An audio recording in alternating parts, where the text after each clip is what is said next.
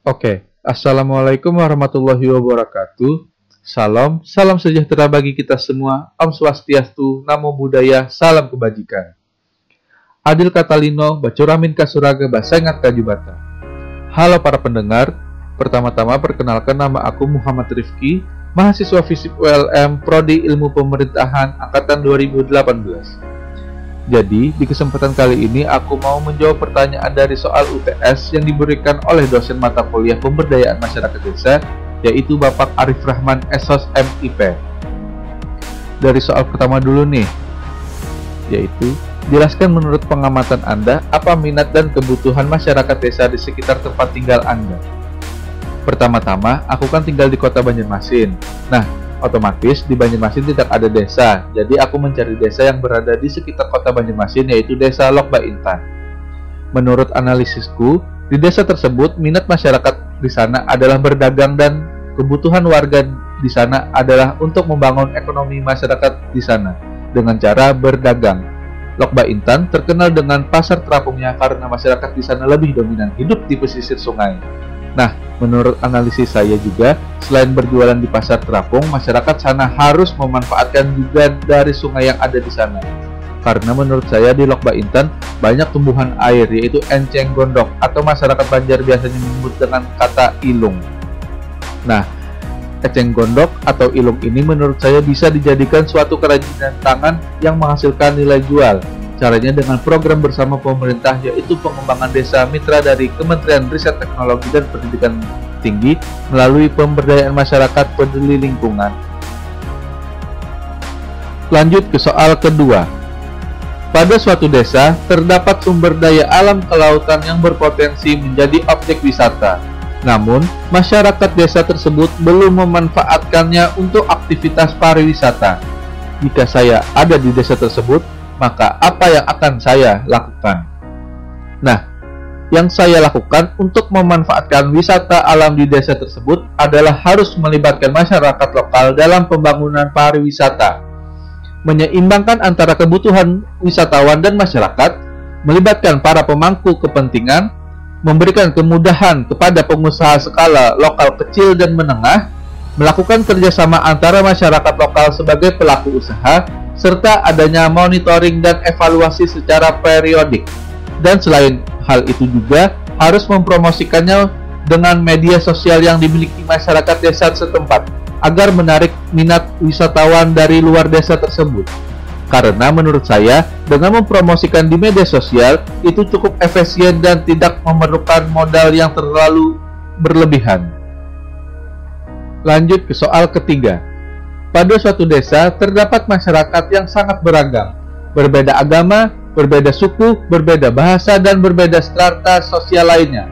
Kemudian pada suatu peristiwa terjadilah konflik yang besar yang mana antara masyarakat bertikai. Sebagai pemuda desa tersebut, maka yang bisa saya lakukan adalah meminta kepada aparatur desa atau pemerintah desa untuk melakukan mediasi untuk menyelesaikan konflik yang terjadi antara kelompok masyarakat di desa. Aparat desa melakukan mediasi agar permasalahan mencapai titik perdamaian.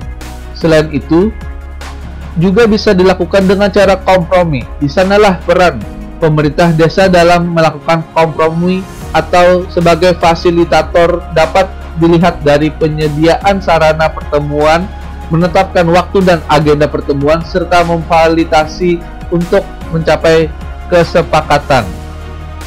Lanjut ke soal terakhir, yaitu jika saya menjadi seorang presiden, maka saya akan membuat program-program desa sebagai berikut.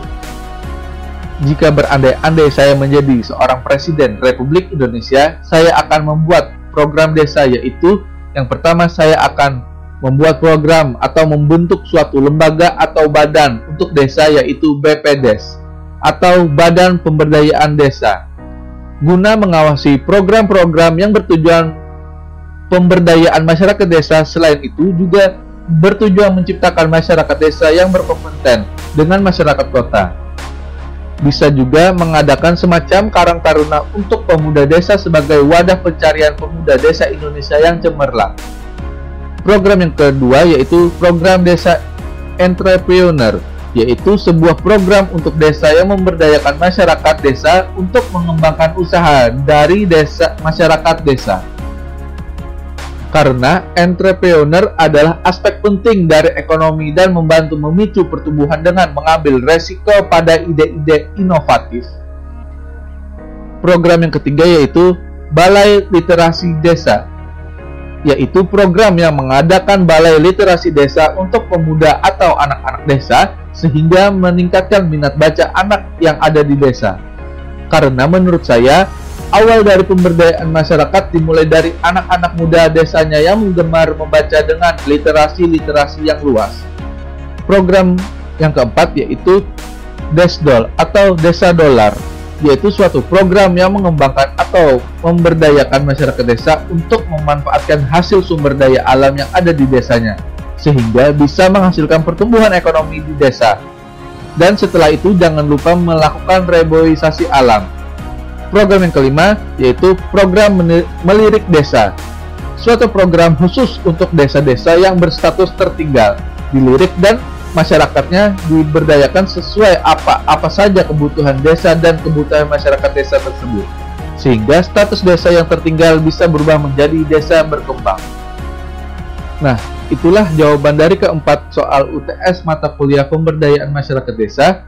Saya Muhammad Riki, saya ucapkan terima kasih. Wassalamualaikum warahmatullahi wabarakatuh.